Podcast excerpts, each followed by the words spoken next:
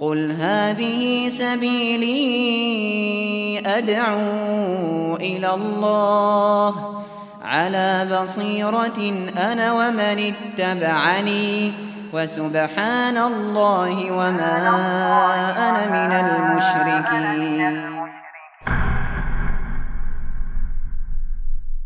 Bismillahirrahmanirrahim Assalamualaikum warahmatullahi wabarakatuh Alhamdulillahilladzi Arsala rasulahu bil huda wa dinil haq Liyudhira ala dini kulli wa kafa billahi syahida Wa asyhadu an la ilaha illallah wahdahu la syarika la Wa asyhadu anna Muhammadan abduhu wa rasuluh. Allahumma salli ala nabiyyina Muhammad wa ala alihi wa man tabi'ahum bi ihsan ila yaumiddin. Allahumma inna nas'aluka imanan la yartad wa na'iman la yanfad wa murafaqata Muhammad sallallahu alaihi wasallam fi a'la jannatil khuld Allahumma inna na'udzubika min zawali ni'matik wa tahawuli afiyatik wa fujaati nikmatik wa jami'i sakhatik kaum muslimin, para jamaah sekalian yang mungkin-mungkin senantiasa dirahmati dan diberkahi Allah Subhanahu wa taala. Kita bersyukur pada Allah atas nikmat karunia yang telah Allah berikan pada kita sekalian sehingga di kesempatan pagi menjelang siang ini kita semua dalam keadaan sehat walafiat diparingi umur panjang diberikan umur panjang oleh Allah Subhanahu wa taala sehingga di kesempatan kali ini kita akan kembali ngaji kitab tauhid. Dan kita akan lanjutkan nantinya dari buku halaman 134 bab ke-32 Bapak Ibu sekalian sebelum kita mulai karena ini daurah yang butuh waktu hingga tiga hari dua malam ada beberapa beberapa pengumuman yang panjenengan semua harus memahami hal ini selama daurah ini berlangsung.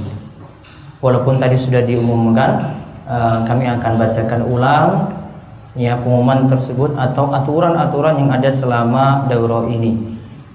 Ngaji kitab tauhid nanti berlangsung tiga hari dua malam. Semua sudah pada minta izin belum? Sudah? minta izin istri sudah uh, apa sudah westine uang sangu Hah? lali paling mesti tinggal terus untuk nginap nantinya disediakan uh, untuk bapak-bapak uh, nanti di masjid sini. Sedangkan untuk ibu-ibu mohon maaf kita belum ada fasilitas atau sarana untuk memberikan penginapan pada ibu-ibu. Mungkin-mungkin nantinya ada warga yang juga ikut di daurah ini juga atau ngaji kitab tauhid ini juga bisa menolong panjenengan untuk memberikan tempat penginapan. Ya, ada mungkin yang bisa tanya-tanya nanti di bawah. Ya, mudah-mudahan ada yang bisa membantu untuk itu. Namun untuk ibu-ibu kita belum bisa menyediakan tempat langsung kecuali untuk warga sekitar sini atau pulang pergi nantinya.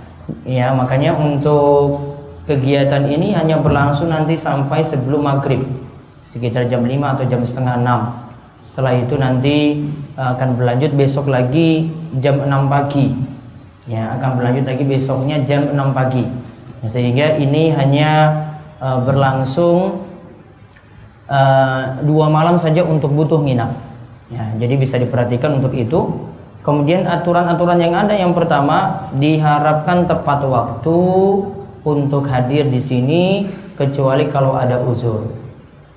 Kita mulai untuk hari ini jam 9 untuk pelajaran ya, nanti sampai jam 11. Namun insya Allah setiap materi saya rampungkan satu kali lalu setelah itu istirahat. Arab ngopi ya monggo silahkan. Mau wudhu mau sholat sunnah ya monggo silahkan. Nanti ada waktu istirahat 5-10 menit. Yang saya akan beritahu. Istirahat 5 menit. Ya berarti nanti 5 menit lagi kita ketemu. Istirahat 10 menit.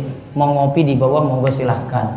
Mau wedangan di bawah sudah siap full service 24 jam ya dan yang dibantu yang membantu uh, Bapak Ibu-ibu sekalian, para peserta yang hadir, ini warga sekitar sini yang mereka gotong royong untuk membantu acara ini berlangsung.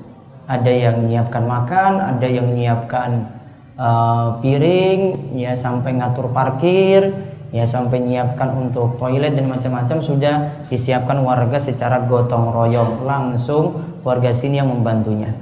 Ya. Kemudian sebelum masuk masjid nanti diharapkan mengisi absen nanti setiap pagi, siang, sore nanti ada absen tiga kali. Mohon nanti diisi. Kemudian yang ketiga setiap peserta diharapkan menjaga kebersihan masjid dan area sekitar pesantren. Diharapkan tidak ada pakaian yang digantung di sekeliling masjid termasuk pagar-pagar yang ada. Jadi karena ini tidak lama juga insya Allah masih bisa disimpan di dalam tas seperti itu sehingga tidak mengotori kanan kiri.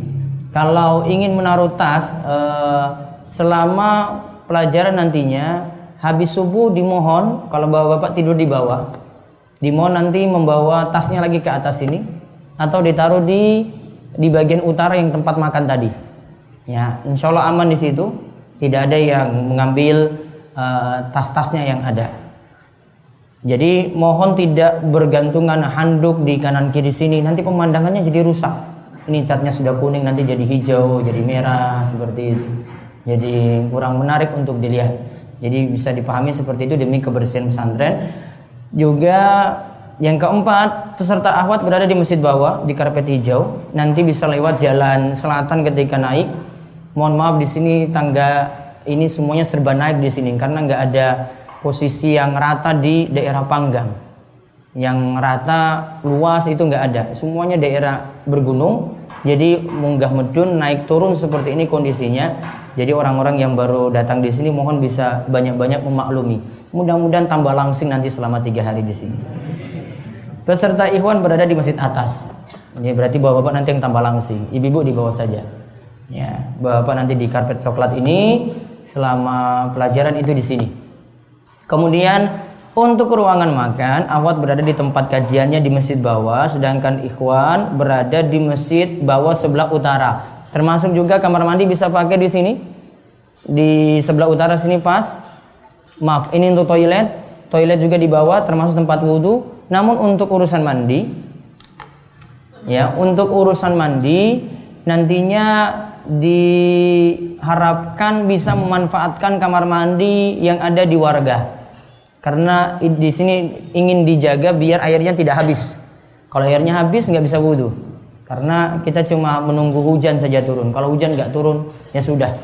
Ya berarti kita masih harus ngisi lagi dengan air dari PDAM. Kalau nggak ada lagi ya terpaksa beli. Makanya airnya karena terbatas di warga sudah disiapkan. Cari kamar mandi yang warna hijau. Untuk akhwat nanti pas di masjid bawah itu nanti ada. Termasuk juga untuk akhwat kalau pakai toilet. Uh, mohon maaf nanti agak turun ke bawah biar tidak campur dengan ikhwan.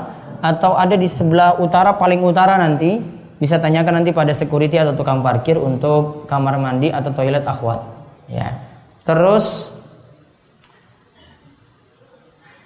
Untuk mandi, para ikhwan bisa menggunakan kamar mandi ada di rumah warga. Kamar mandinya dicat warna hijau muda. Lalu yang ketujuh, saat kajian dimulai, semua peserta harus hadir.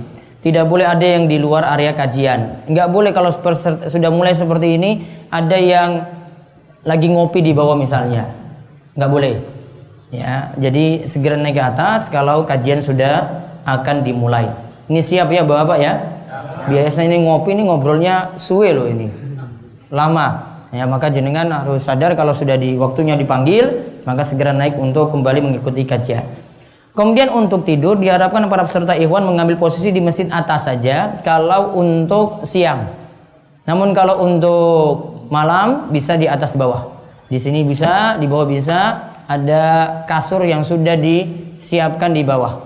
Ya ada kasur yang sudah disiapkan di bawah. Dimohon kepada ini terutama yang biasanya reunian ini simbah-simbah ini Nah, ini biasanya cerita, saling mijet, ya, ngopi, ya, ini biasanya sampai jam siji, jam rolas ini belum tidur juga. Ya, ini biasanya simbah-simbah ini pada reunian karena terketemu teman lama pas di sini. Ya, jadi mohon bisa hargai waktu karena kita berlangsung tiga hari. Ya, tiga hari ini full, maka dimohon bisa uh, memperhatikan waktu dengan baik. Saatnya istirahat, ya istirahat. Makanya setelah maghrib ini saya kasih waktu free, ya tidak ada kecuali nanti malam ahad nanti itu ada satu kajian nanti pada isya, ya itu nanti ada uh, kesempatan untuk tanya jawab full sekaligus ada siaran langsung dengan warga yang ada di Swedia. Terus yang sembilan tidak boleh membawa makanan apa pun dan minuman yang berwarna ke dalam area masjid yang berkarpet coklat dan hijau. Kecuali nanti kalau akhwat nanti pas jam makan. Namun kalau selain itu tidak boleh membawa kopi masuk sini nggak boleh. Kena kartu kuning. Ulang lagi kartu kuning lagi. Dua kali berarti kartu apa? Merah. Mulai berarti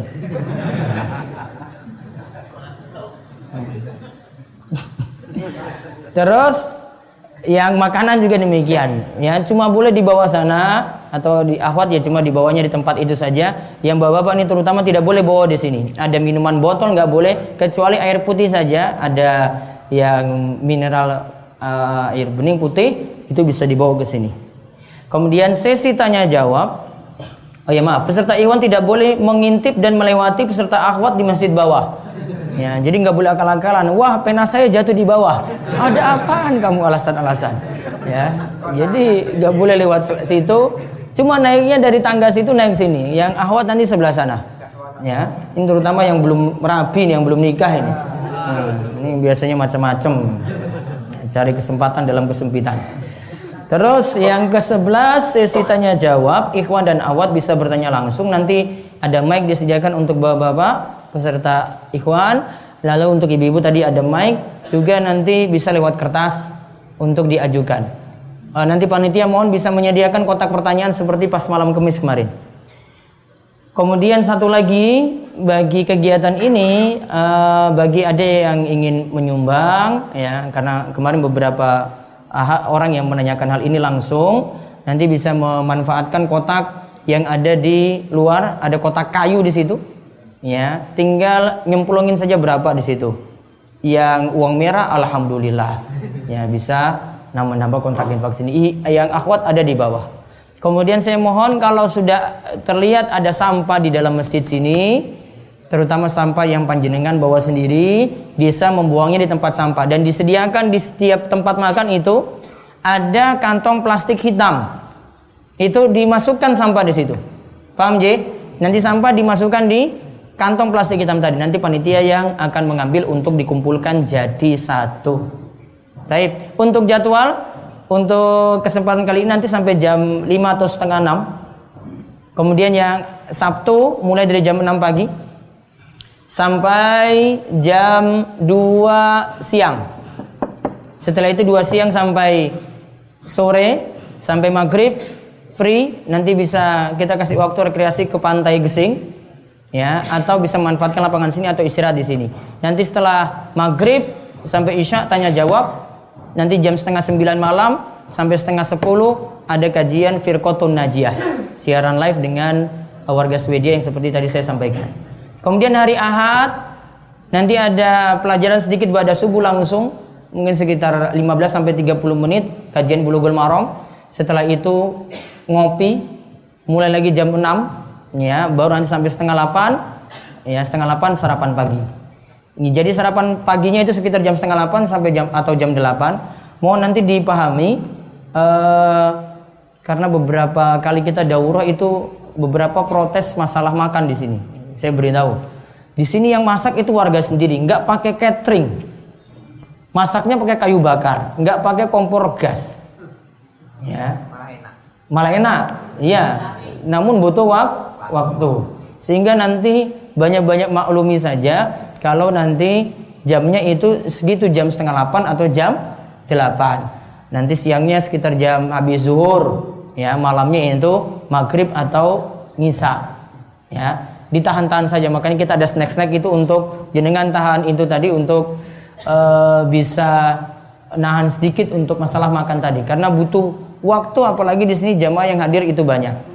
Kalau jenengan ingin jalan-jalan, ingin makan bakso, Alhamdulillah Darussolihin sudah punya warung bakso sendiri. Enak banget. Enak. Namun bayar. Kalau mau nanti bisa minta beberapa orang nanti ada beberapa orang sini mau pergi uh, waktu lima menit aja lah nanti ke sana mau makan bakso lah nanti siang gitu bisa ya enak pokoknya. Ada teh gula batunya juga ada ya es tehnya juga ada.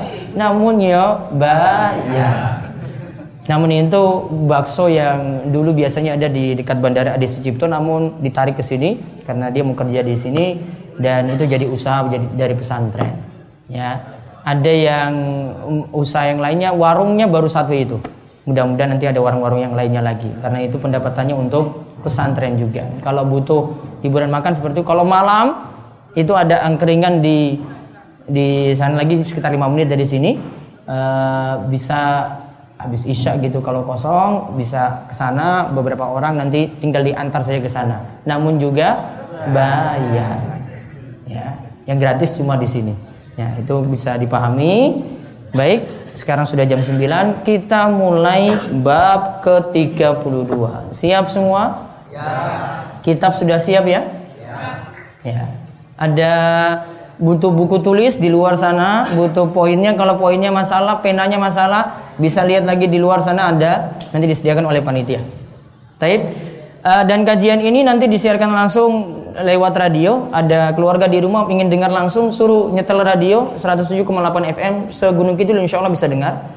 Kemudian bisa li lihat lewat Facebook, ya. Dan ada aplikasi di Android, itu nanti bisa diinstal radio DS, kemudian bisa didengarkan juga setiap waktu.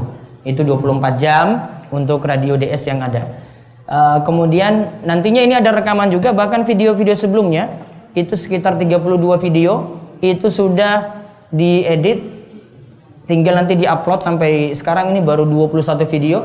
Nanti bisa di-download di situ. Atau nanti tunggu saja ada ada pesantren akan jual dalam bentuk flash disk. Itu nanti bisa dimanfaatkan. Sebagaimana juga nanti ada dari daurah muyasar pernah kita bahas 70 pertemuan. Itu juga sudah disiapkan dalam bentuk flash disk dengan kitabnya lengkap nanti akan diberitahu oleh panitia untuk masalah ini. Ya, kita mulai lihat di halaman 134. Bab 32 takut kepada Allah. Kita telah bahas sampai cinta kepada Allah bab 31 kemarin. Sekarang kita bahas bab 32 takut kepada Allah. Yaitu Syekh Muhammad bin Abdul Wahab membawakan firman Allah. Beliau katakan bab Qaulullahi ta'ala firman Allah inna madzalikum syaitanu yukhawifu awliya'ah fala takhafuhum wa khafuni in kuntum mu'minin. Ali Imran ayat 175 ya nanti kita akan lihat ayat-ayat yang ada. Kita lihat ayatnya satu persatu dan faedah-faedah nanti di dalamnya. Monggo dibaca Mas Rudi. Takut kepada Allah. Allah Ta'ala berfirman Sesungguhnya mereka itu tidak lain hanyalah setan yang menakut-nakuti kalian dengan kawan-kawannya orang-orang musyrik Quraisy. Oleh karena itu, janganlah kalian takut kepada mereka, tetapi takutlah kepadaku jika kalian benar-benar orang yang beriman. Quran surat Al-Imran ayat 175. Innama dzalikum syaitanu yukhawifu awliya'ah mu'minin. Sesungguhnya mereka itu tidak lain hanyalah setan yang menakut-nakuti kalian dengan kawan-kawannya orang-orang musyrik. Jadi setan dan orang-orang musyrik itu berserikat, berteman, jadi satu. Oleh karena itu, fala takhafuhum. Janganlah kalian takut kepada mereka. Wa khafuni, takutlah kepadaku Kunya itu huruf besar berarti takut kepada Allah. In kuntum mu'minin. Jika kalian benar-benar orang yang beriman. Di garis bawahi pada kalimat janganlah kalian takut kepada mereka tetapi takutlah kepadaku. tetapi takutlah kepadaku. Berarti ini adalah perintah untuk takut kepada Allah saja. Nanti kita akan membahas macam-macam takut. Dalil berikutnya lagi, innama orang-orang yang memakmurkan masjid. Allah Ta'ala berfirman, Orang-orang yang memakmurkan masjid-masjid Allah hanyalah orang-orang yang beriman kepada Allah dan hari kemudian serta tetap mendirikan sholat, menunaikan zakat dan tidak takut kepada siapa pun selain kepada Allah. Mereka adalah orang-orang yang diharapkan termasuk golongan orang-orang yang mendapatkan petunjuk. At-Taubah ayat 18. Innama ya'muru masajidallah Sesungguhnya orang-orang yang memakmurkan masjid-masjid Allah Mereka itu adalah man amana billah Mereka itu adalah orang yang beriman kepada Hanyalah orang yang beriman kepada Allah Wal yaumil akhir Dan beriman kepada hari kemudian. Apa yang maksud hari kemudian? Hari kiamat. Diberi keterangan hari kiamat.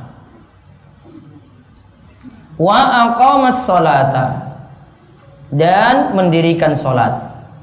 Wa ataz zakata. Dan menunaikan zakat. Wala yaksha walam yaksha illallah dan mereka hanyalah takut kepada Allah.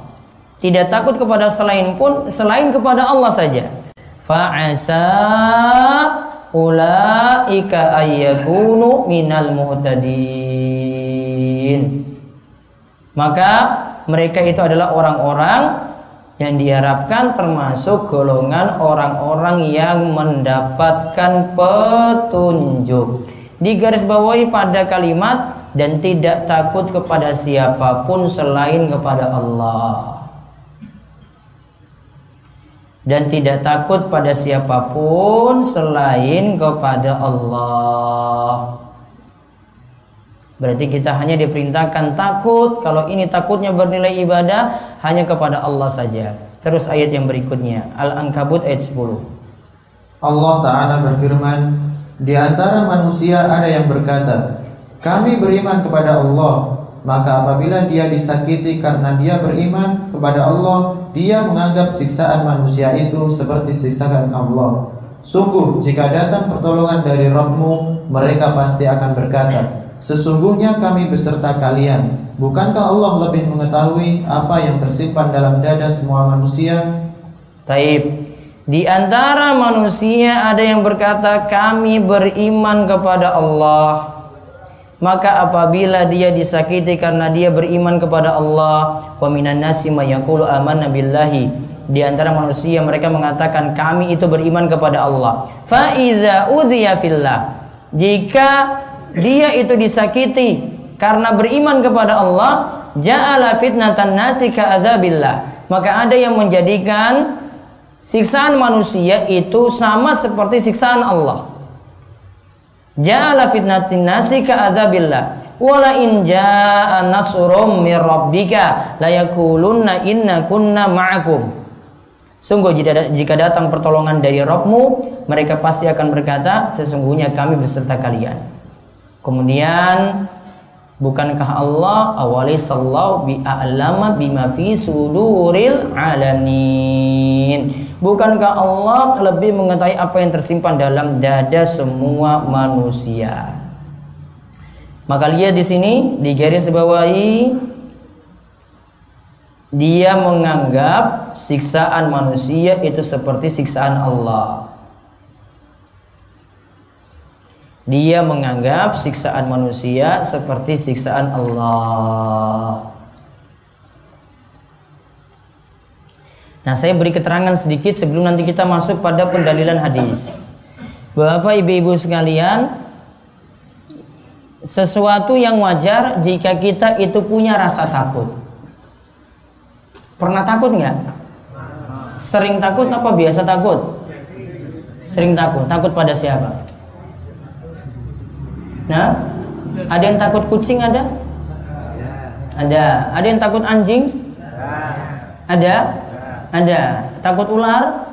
Ada. Takut setan? Jujur mawon. Ada nggak? Ada.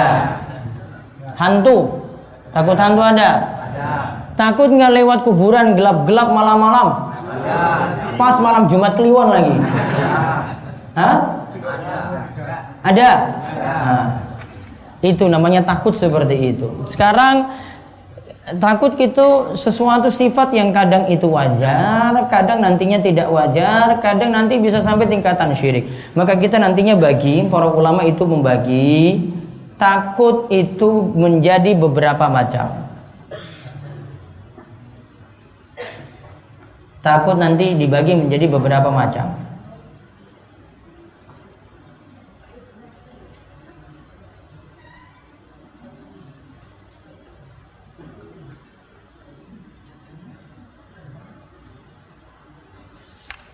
Yang pertama takut yang dihukumi syirik.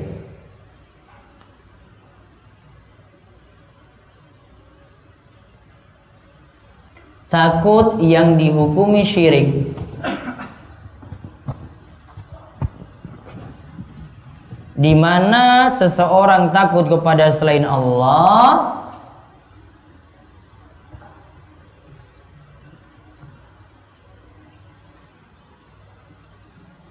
di mana seseorang itu takut kepada selain Allah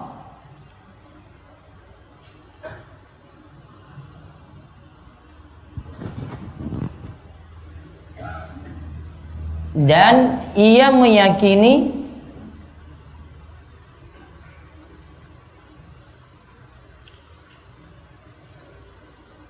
dan ia meyakini rasa takutnya tersebut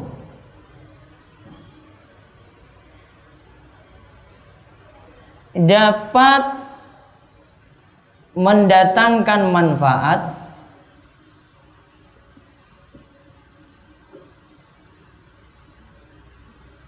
dapat mendatangkan manfaat untuk urusan akhirat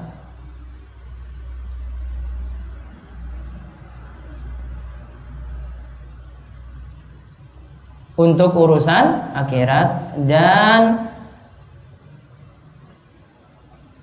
mencegahnya dari suatu bahaya.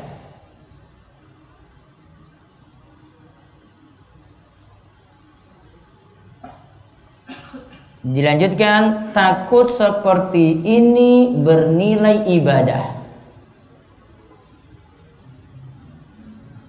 Takut seperti ini bernilai ibadah? Dan jika ditujukan pada selain Allah dan jika ditujukan kepada selain Allah maka dihukumi syirik.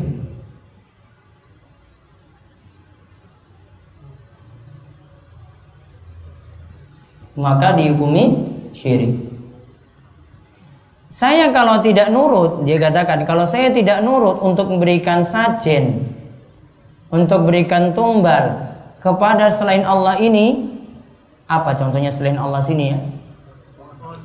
Taruhlah pohon besar atau penguasa laut lah. Jika saya tidak berikan sajen ini, saya tidak berikan tumbal ini, saya bisa kena kualat nantinya, bisa kena bahaya nantinya. Ya itu bukan bahaya di dunia saja ini, di akhirat nanti. Saya tidak bisa masuk surga. Atau saya nanti tidak bisa selamat dari neraka. Sampai rasa takutnya seperti itu. Berarti yang menyelamatkannya ini ya tadi kayu besar ini dan yang selain Allah tadi yang nanti akan menyelamatkannya. Bukan Allah. Ini sudah rasa takut yang berlebihan. Yang ini adalah rasa takut yang bernilai ibadah dan sudah dinilai dia melakukan ibadah kepada selain Allah. Ini di sini ada takzim loh di sini. Ada bentuk pengagungan. Kalau itu dengan orang soleh, berarti apa pun yang diperintahkan orang soleh tadi karena rasa takutnya dia nurut pada orang soleh tadi. Sampai pun untuk maksiat pun dia nurut. Sampai pun untuk maksiat pun dia nurut pada orang soleh ini. Ya, karena ada beberapa orang ya bahkan yang aku muslim pun dengan orang soleh bersikap berlebihan di sini. Kalau dia nggak nurut, wah nanti kena kualat, wah nanti kena musibah, wah nanti kena kecelakaan di jalan. Nah berarti sudah rasa takut yang berlebihan sampai tingkatan syirik. Yang kedua, takut yang dihukumi haram.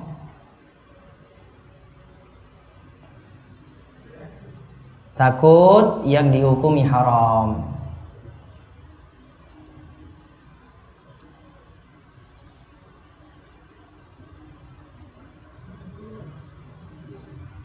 Yaitu seseorang takut kepada makhluk.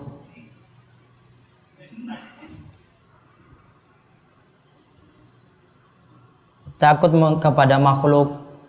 Sehingga ia melakukan sholat atau sholat berjamaah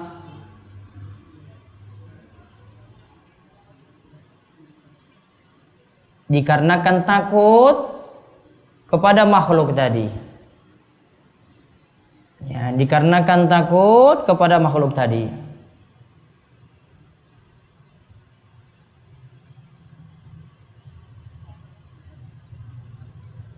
Bahkan para ulama katakan ini termasuk jenis syirik. Bahkan para ulama katakan ini termasuk jenis syirik.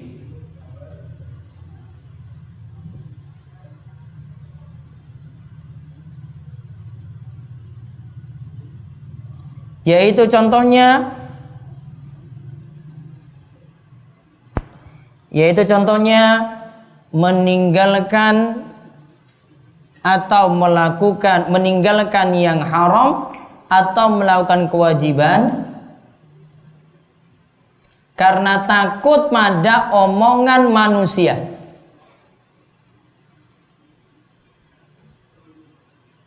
Karena takut pada omongan manusia. Nanti kita akan lihat hadisnya di sini loh. Yang di mana ayatnya tadi sebenarnya sudah disinggung Al-Ankabut ayat 10 tadi Dia jadikan Siksaan manusia Sama seperti siksaan apa tadi? Allah. Dia jadikan siksaan manusia sama seperti siksaan Allah. Jadi contoh yang ada di sini ini takut yang haram. Contoh, kalau kita lihat di tengah masyarakat kita, ada yang nggak mau pergi ngaji, cuma takut omongan tetangga. Wonten apa mboten? Nah, ada yang nggak mau berangkat ngaji cuma karena takut omongan tetangga. Ada yang tetap mau berangkat pada suatu amalan cuma karena takut juga omongan tetangga juga. Rasa takutnya di sini sudah rasa takut yang haram. Sehingga sampai dia melakukan yang haram atau dia meninggalkan kewajiban. Kalau bentuknya seperti ini lagi contoh misalnya ada yang nggak mau berangkat ke masjid karena takut ketemu setan di jalan. Masuk yang mana di sini? Yang syirik apa yang haram yang kedua? Hmm. Kalau syirik itu ada bentuk pengagungan. Kalau ini dia cuma takut saja ketika mau keluar. Kalau bentuk pengagungan berarti nanti dia minta-minta pamit dulu kepada setan tadi atau harus lewat situ misalnya kalau numpak motor klakson. Kalau naik motor nanti tut tut tut dulu baru nanti lewat. Nah, amit-amit mbah misalnya. Ini kalau ini nggak ada, dia cuma takut saja biasa karena kebanyakan nonton TV yang seram-seram, yang itu banyak horornya, yang itu banyak kantungnya sehingga ketika pergi gelap-gelap ketika subuh dia takut seperti itu. Berarti takut apa di sini? Minimal haram. Namun lama-lama nanti bisa jadi syirik jika sampai ada bentuk pengagungan pada se setan. Berarti solusinya gimana nanti? Biar nggak punya takut seperti ini? Ngaji. Ngaji. Ngaji tauhid tidak nonton TV TV tidak untuk bayar utang iya toh Tapi ya tetap orang bisa ya. TV negara piro payune. Nyawur juga nggak bisa kan? Ora cukup. Jadi yang jelas itu tadi masih takut yang jenis kedua. Sekarang takut yang jenis ketiga. Takut tabi'i atau takut secara tabiat. Takut tabi'i atau takut secara tabiat.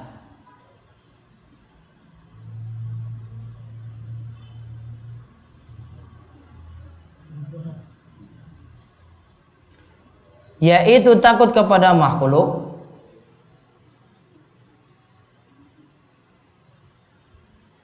yang sifatnya manusiawi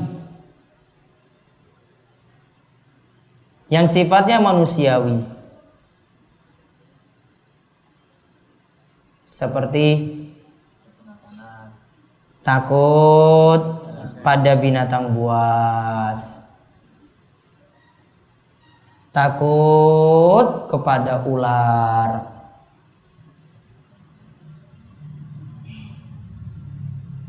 Takut kepada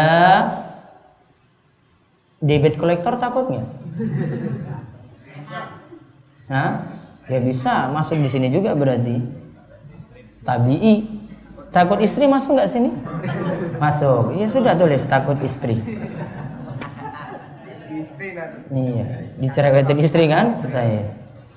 Itu masuk dalam takut yang sifatnya tabi'i. Tabiatnya seperti itu. Namun ini tidak ada bentuk pengagungan dan ini tidak sampai ninggalkan yang haram. Maaf, tidak sampai ninggalkan kewajiban atau melakukan yang haram. Kalau dia takut kepada makhluk-makhluk tadi sampai nanti meninggalkan yang haram, ya masuk tadi yang jenis yang kedua. Kalau sampai melakukan yang haram masuk jenis kedua sampai meninggalkan kewajiban, masuk jenis yang kedua pula. Jadi kita ulang, yang pertama takut apa? Syirik. Ini kalau ada intinya ringkasnya kalau ada bentuk pengagungan. Yang kedua takut apa? Takut yang dihukumi haram. Ini takut yang bagaimana? Jika sampai meninggalkan kewajiban atau melakukan yang haram. Cuma karena manusia saja. Takut omongan atau komentar manusia. Dia enggak, dia itu mengerjakan sholat cuma takut saja komentar manusia. Ya, takut.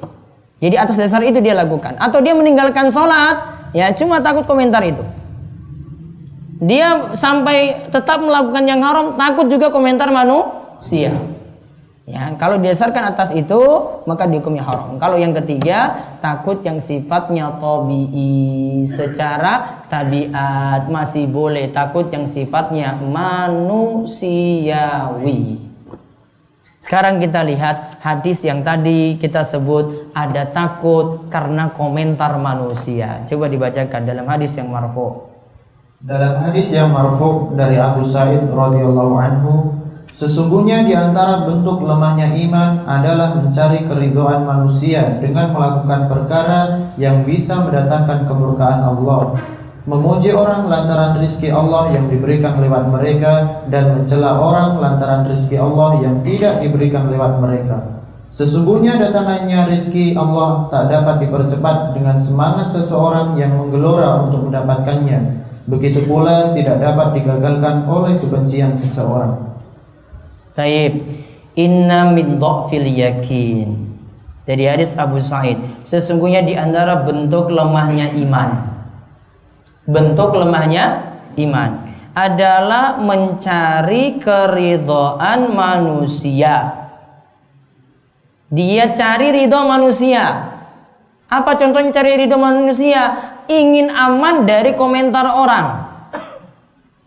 Ingin aman dari komentar orang. Jadi dia terutin ini biar saya nggak dapat omongan nih gimana ya. Berarti cari ridho manusia. Dengan melakukan perkara yang bisa mendatangkan kemurkaan Allah. Dia cari ridho manusia membuat Allah itu murka. Yang kedua, di antara tanda lemahnya keyakinan juga memuji orang lantaran rizki Allah yang diberikan lewat mereka. Harusnya memuji siapa?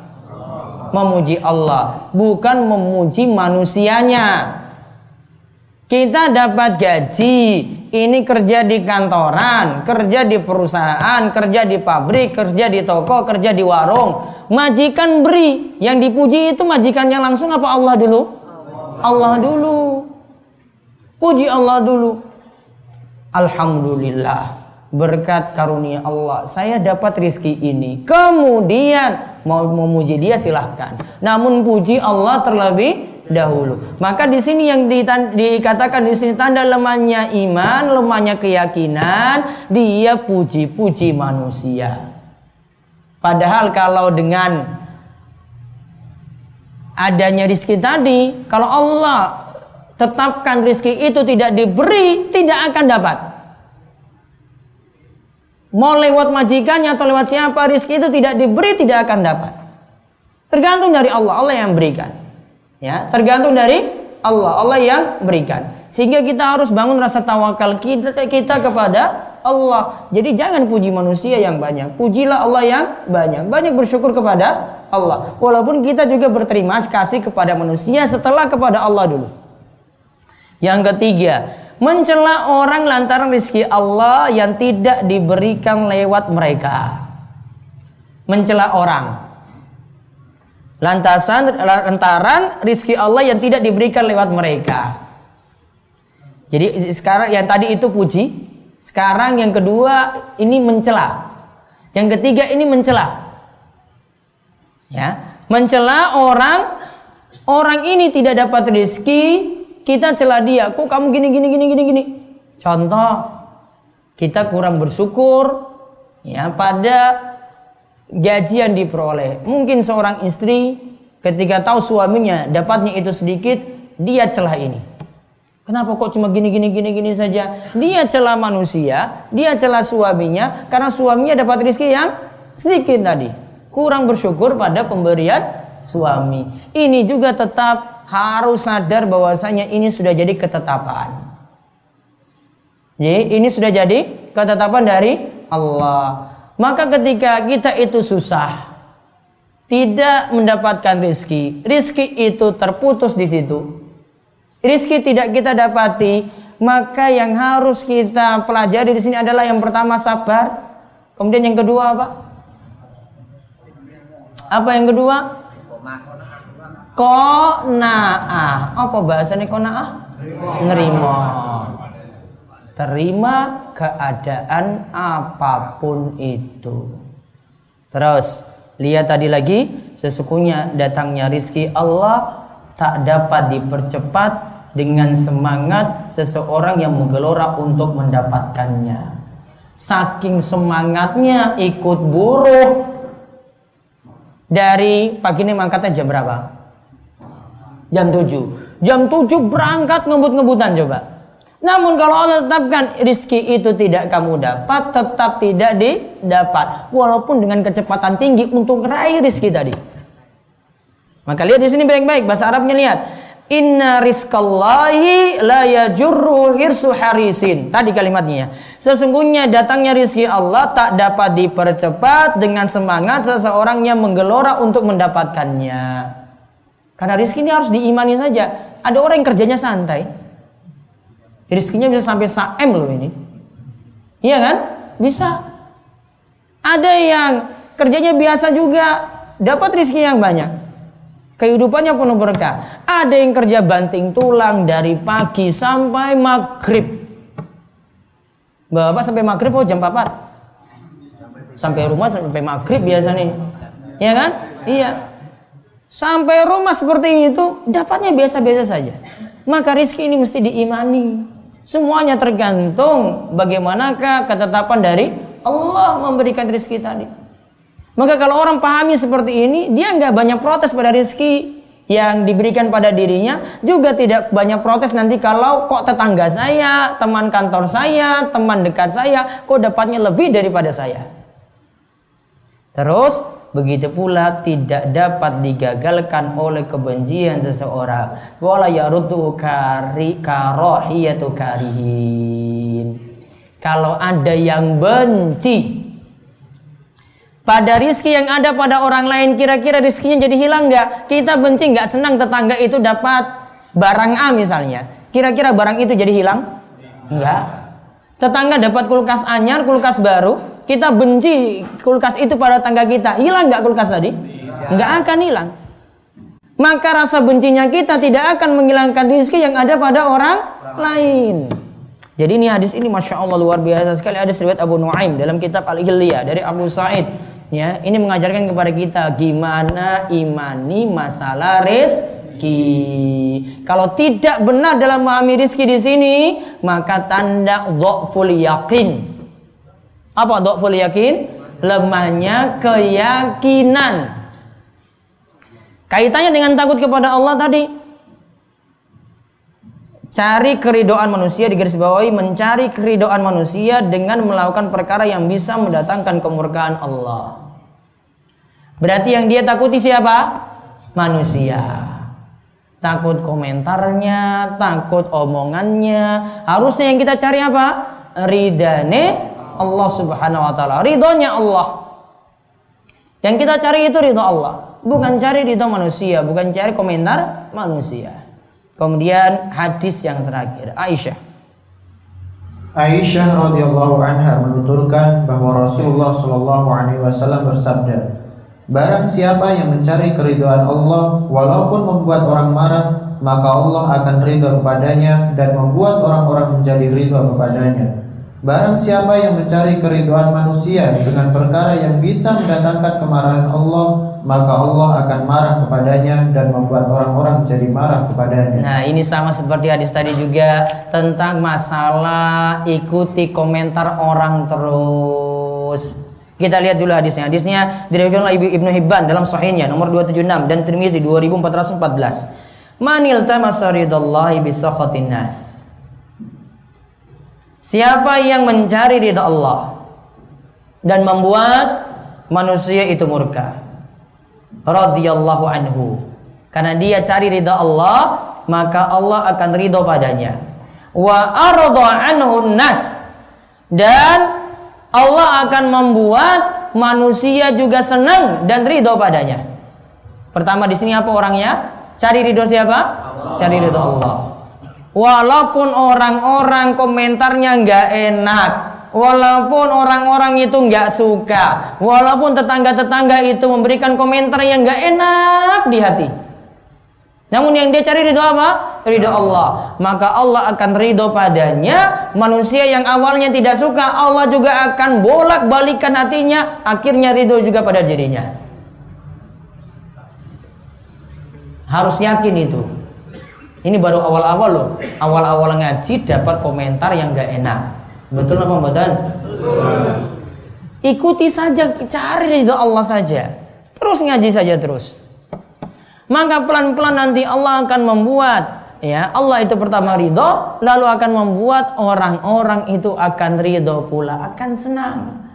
Namun lihat coba yang kedua, wa manil nas bisa kotilah. Siapa yang cari ridho manusia, komentar orang diikutin terus. Wah, kok itu rasa ngaji? Ya sudah dia nggak berangkat ngaji. Ya. Wah, kok itu rasa sholat? Ya sudah dia nggak sholat. Ya, untuk perempuan, wah ngapain pakai jilbab? Akhirnya juga nggak pakai jilbab. Dia cari komentar orang terus kan? Cari ridhonya orang terus. Maka lihat. Sakhitallahu alaih. Allah akan murka padanya. Wa askhata alaihin nas. Dan Allah akan membuat manusia manusia tidak suka padanya. Berarti ada dua orang di sini ada yang cari ridho Allah, ada yang cari ridho manusia. Kesimpulannya kita tugasnya cari ridho siapa? Allah. Maka Allah akan ridho dan akan membuat manusia itu ridho. Awalnya rumah kita sendiri dengan orang dalam rumah sendiri dengan tetangga sendiri mungkin gak ridho gak senang ngaji gak senang mau pergi berangkat ke masjid gak senang itu makin soleh. Mungkin gak senang. Tunggu waktunya.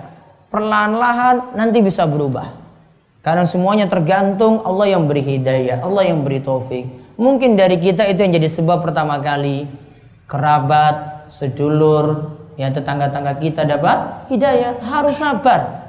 Nah dari komentar tadi dan cobaan kita sebenarnya belum biasa eh, baru biasa-biasa saja. Cobaan untuk baginda Nabi lebih berat ya cobaan bagi baginda Nabi lebih berat. Maka tugasnya hanya sabar walaupun nanti banyak fitnahan. Walaupun nanti banyak komentar. Tetap tugasnya apa? Sabar. Di garis bawahi Barang siapa yang mencari keridhaan Allah juga maka Allah ridho kepadanya.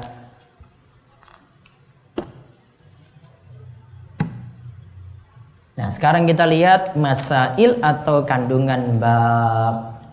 Satu. Kandungan bab. Satu. Tafsir surat Al-Imran ayat 175. Tafsir surat Ali Imran ayat 175 Tadi yang diterangkan mengenai Inna mazalikum syaitan yukhawifu awliya'ah Sesungguhnya mereka itu tidak lain hanyalah setan yang menakut-nakuti kalian dengan kawan-kawannya, auliaah, kawan-kawannya, wali-walinya, penolong-penolongnya. Jadi wali itu asalnya secara bahasa artinya penolong. Fala takhafu khafuni. Tadi disebut takut janganlah takut kepada mereka namun takutlah kepadaku, takutlah kepada Allah. Terus yang berikutnya yang kedua. Dua. Tafsir surat Baro'ah ayat 18. Tafsir surat Baro'ah ayat ke-18 ditulis itu baro'ah itu nama lain dari surat At-Taubah. Baro'ah itu nama lain dari surat At-Taubah. Disebut baro'ah, baro'ah itu artinya berlepas diri. Karena surat At-Taubah itu membicarakan berlepasnya diri Nabi SAW dari orang-orang munafik. Berlepas diri. Yang ketiga, tafsir surat Al-Ankabut. Tafsir surat Al-Ankabut ayat 10. Yang tadi disebut wa minan nasi may amanna billah. Ada di antara manusia mengatakan kami beriman kepada Allah. Fa iza uziya fillah ja'ala fitnatan nasi ka'adzabillah. Maka ada yang menjadikan siksaan manusia itu sama seperti siksaan Allah. Harusnya siksaan Allah itu lebih pedih daripada siksaan manusia. Azab Allah lebih pedih daripada siksaan atau azab manusia. Harusnya yang itu dia takuti. Takuti Allah bukan takuti manusia. Terus yang keempat, keyakinan hati bisa melemah dan menguat. Nah, maka tadi disebut dhaful yakin. Maka hati itu ada yang lemah, hati itu ada yang kuat. Hati ada yang keyakinannya itu kuat, hati itu ada yang keyakinannya itu lemah. Tadi tanda-tanda kelemahan hati itu apa? Satu, ditulis berarti ini. Lemahnya keyakinan coba tadi ditulis. Satu, cari komentar manusia. Cari ridho manusia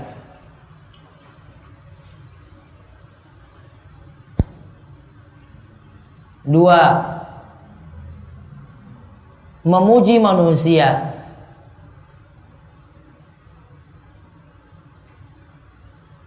Padahal rizki datang dari Allah.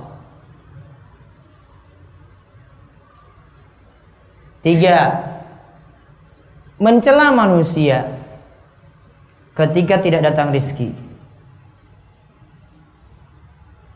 Mencela manusia ketika tidak datang rizki. Tiga ini dikatakan sebagai do'ful yakin.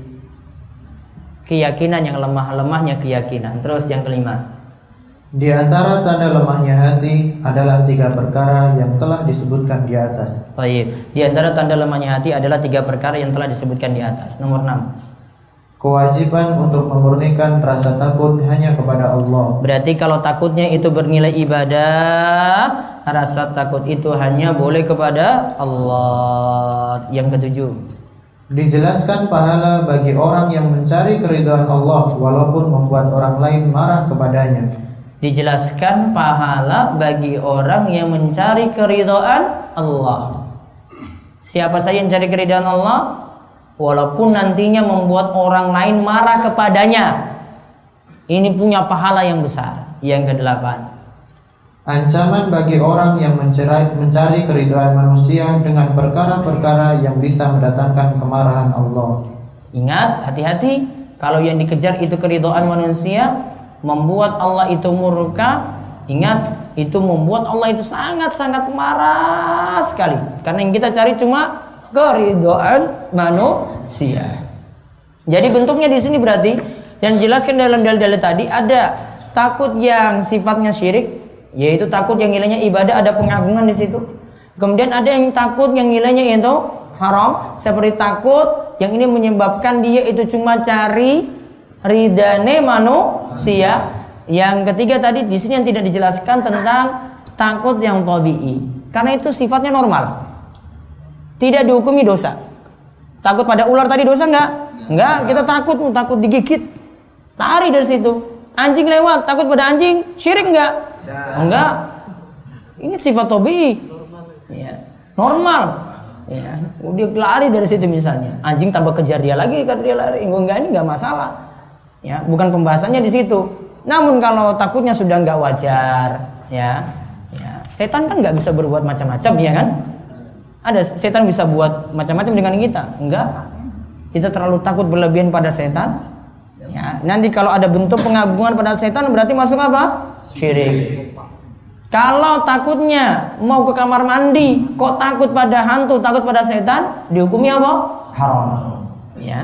Cukup sampai situ bab 32. Wonten pertanyaan? Ayo, ada yang langsung monggo? Ya. Satu dua. Ya. Ibu-ibu ada mic di bawah bisa tanya dengan mic. Waktu 10 menit. Monggo. Waalaikumsalam warahmatullahi wabarakatuh.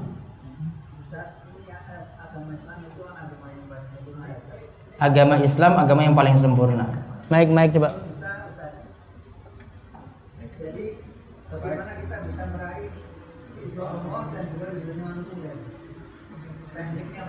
Baik, diulang pertanyaannya.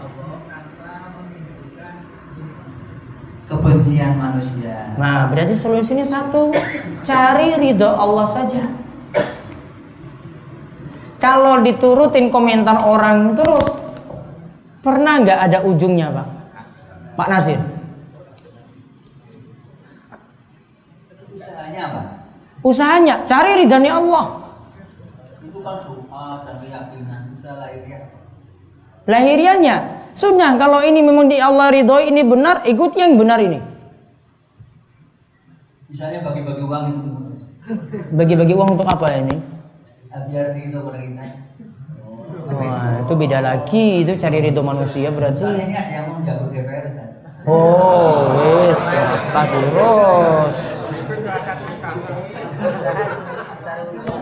Itu berarti cuma cari ridho manusia supaya nanti dicoblos. Tuh, itu nggak ada pembahasan cari ridho Allah di situ. Nggak mungkin dia ikhlas itu. Saya mau nyumbang masjid, namun tolong jamaah masjid ini, jamaah masjid Jami Alada, tolong besok milih saya ya. Cari siapa coba itu? Cari ridho Allah atau cari ridho manusia? Nggak mungkin dua di situ. Pasti dia cuma cari ridho manusia. Jadi kalau fokus saja dengan hari Allah ah, manusia Nah, kalau dia fokus cari ridho Allah, maka nanti manusia bisa diatasi. Ya, tadi sampingnya.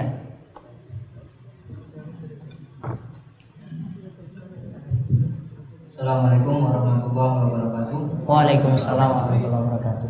Eh, bahwa dijelaskan sebelumnya ada takut yang dihukumi haram. Dan itu bermakna bahwa itu takut kepada makhluk sehingga ia melakukan suatu ibadah karena takut pada makhluk itu. Pertanyaan saya, bagaimana jika anak dalam hadis Nabi itu pernah dikatakan bahwa kalau anak itu sudah mencapai umur sekian kalau tidak melakukan sholat maka pukullah dia nah itu apakah dapat e, menumbuhkan rasa takut kepada orang tuanya tadi Baik. dan itu bagaimana terima kasih Ini masalah pendidikan beda lagi. Kadang anak itu butuh dikerasin sehingga kadang mungkin anak ketika menjalankan itu atas dasar keterpaksaan. Namun itu awalnya seperti itu dulu. Lama-lama ketika sudah disuruh sholat, sholat, sholat, pasti nanti akan terbiasa terus. Akhirnya jadi terbiasa. Dia akan ikut terus ke masjid, lama-lama sadar sendirinya. Dibangun dengan keterpaksaan dulu. Dibangun dengan sikap keras dulu. Dibangun mungkin awalnya takut pada orang tua terlebih dahulu. Namun takutnya di sini baik. Karena apa? Takutnya di sini mengantarkan dia supaya ru, rutin untuk sholat tadi.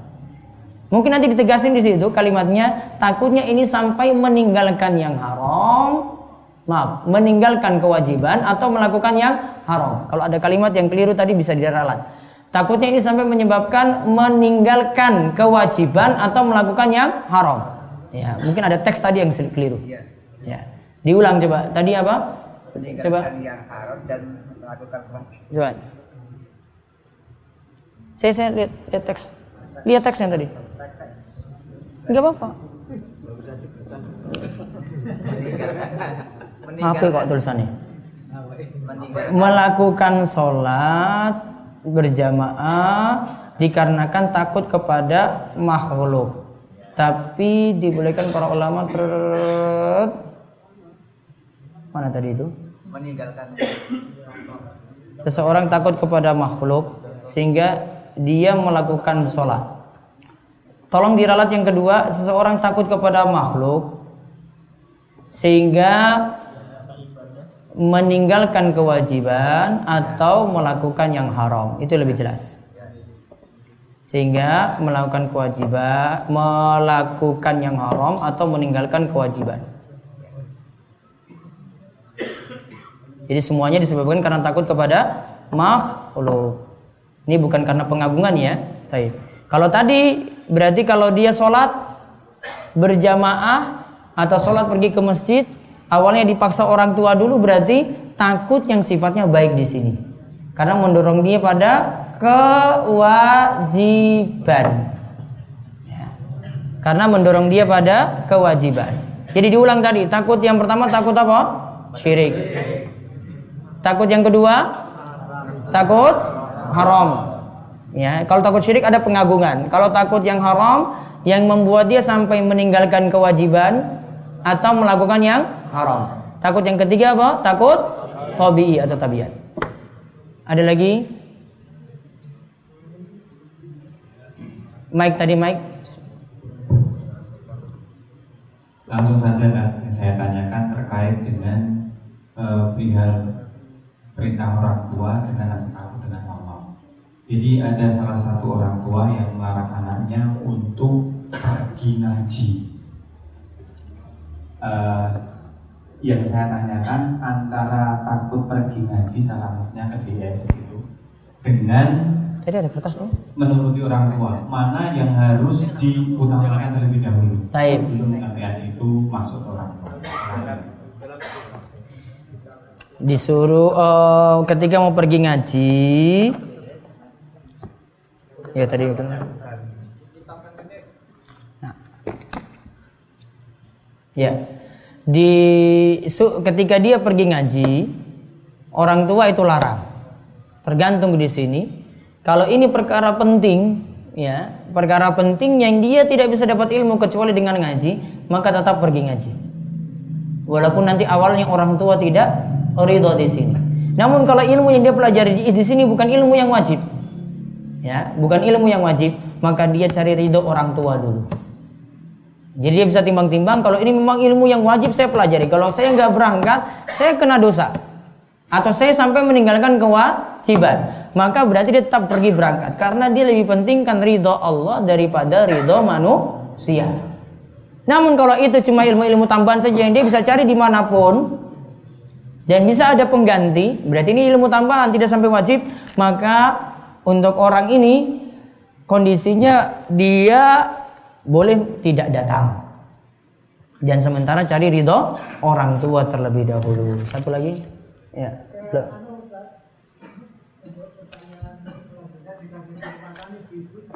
Baik, ibu-ibu ada di bawah ada yang mau bertanya silahkan. Saya Ustaz, J, monggo. di antara bentuk lemahnya iman, salah satunya adalah memuji orang lantaran rezeki yang Allah berikan lewat mereka. Yang saya tanyakan antara memuji dan berterima kasih ini yang sering kali saya sulit membedakan karena eh, saya sendiri sering menemukan hal ini terjadi pada orang-orang yang eh, banyak harta kemudian dia banyak juga bersedekah berinfak Nah, cara kita memuji mereka itu seperti apa? Atau karena saya memang kadang-kadang sulit membedakan antara memuji dan berterima kasih. Dan jika ini terjadi, kita itu apa hanya sekedar dihukumi bahwa kita itu imannya masih lemah atau termasuk orang yang seperti apa, Ustaz? Baik. Terima kasih. Iya. Nabi SAW itu bersabda, Man ata ilaikum ma'rufan fakafi'uhu, fa ilam tajidu matukafi'uhu fad'u lahu. Siapa saja yang memberikan kebaikan kepada kalian, balaslah. Orang tua beri kebaikan pada kita atau tidak?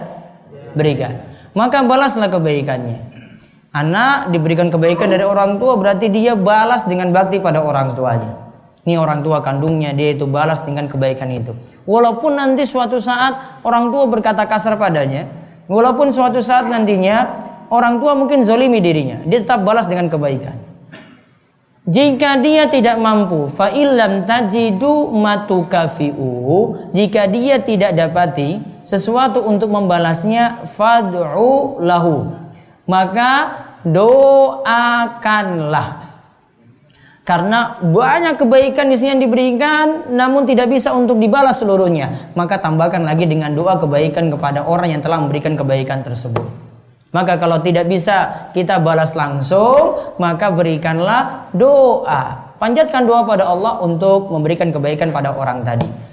Ya. Maka kalau kita lihat dari hadis ini, maka bentuk ter, bentuk syukurnya tetap ada pada Allah dulu.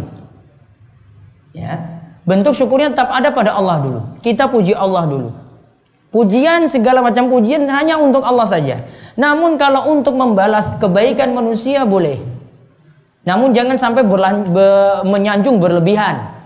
Menyanjung berlebihan tidak boleh. Tetap sandarkan nikmat ini dari Allah. Namun bentuk terima kasihnya kita tetap berikan pada manusia ini Pak, terima kasih kemarin sudah saya itu sudah dibantu. Alhamdulillah. Ada kata-kata alhamdulillahnya juga. Alhamdulillah sudah dibantu. Ini ada sedikit hadiah untuk Bapak.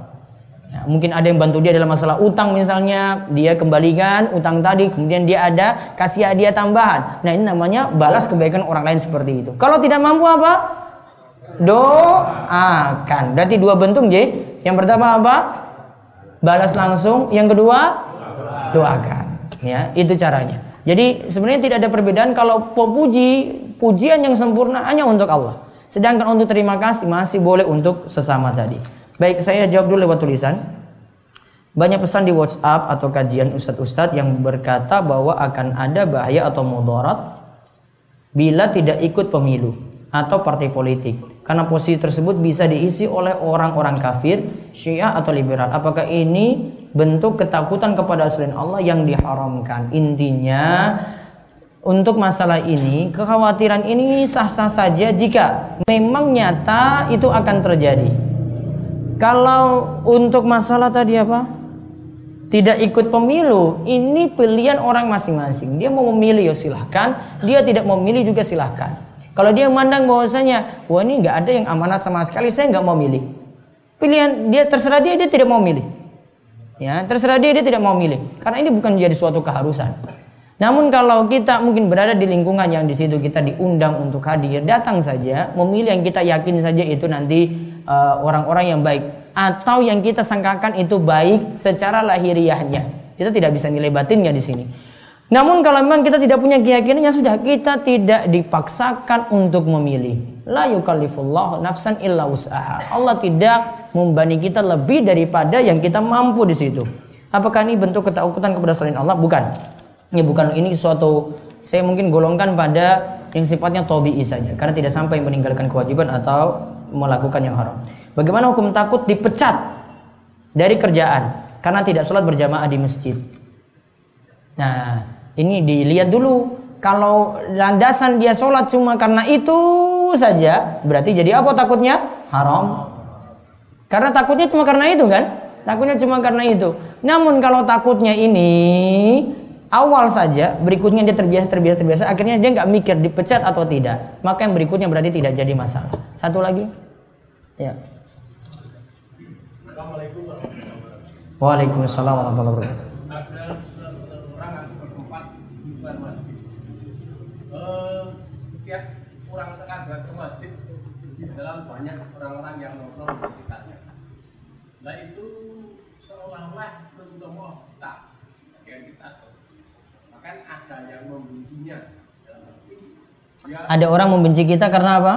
Bentar, mic dulu itu. karena kami ulang saja. Eh, ada satu tempat yang ada seorang yang setiap sholat eh, lima waktu itu berusaha ke masjid. Tapi di selama perjalanan, sepanjang perjalanan banyak orang yang nongkrong di campur atau di perempatan di jalan. Nah, itu seolah-olah dia itu terhadap kita dan bahkan ada yang membencinya. Dalam arti tiap tak kok enggak menyapanya, walaupun enggak kalau kita sapa enggak menyapanya. Nah itu ada suatu yang seperti itu. Nah solusinya agar dia itu juga eh, rela ataukah gitu kepada saya dan Allah juga tidak eh, membencinya pada kita atau memberi eh, apa eh, dosa pada kita itu bagaimana solusinya? Terima kasih. Wabarakatuh. Waalaikumsalam warahmatullahi wabarakatuh. Jadi ada orang yang berusaha bersolat berjamaah di masjid. Tapi sepanjang jalan itu banyak orang yang nongkrong. Banyak orang yang nongkrong-nongkrong Nah, terus pada. Ya sudah tetap berikan kebaikan kepada orang-orang yang acuh tadi, yang tidak peduli tadi, tetap diberikan salam. Tetap disenyumin. Tetap diajak untuk sholat. Yang jelek baiknya tidak dibalas dengan yang jelek, namun dibalas dengan kebaikan. Pun, baik, istirahat 10 menit terus kita lanjut lagi insya Allah di bab berikutnya. Tunggu rehat dulu. Selonjor dulu.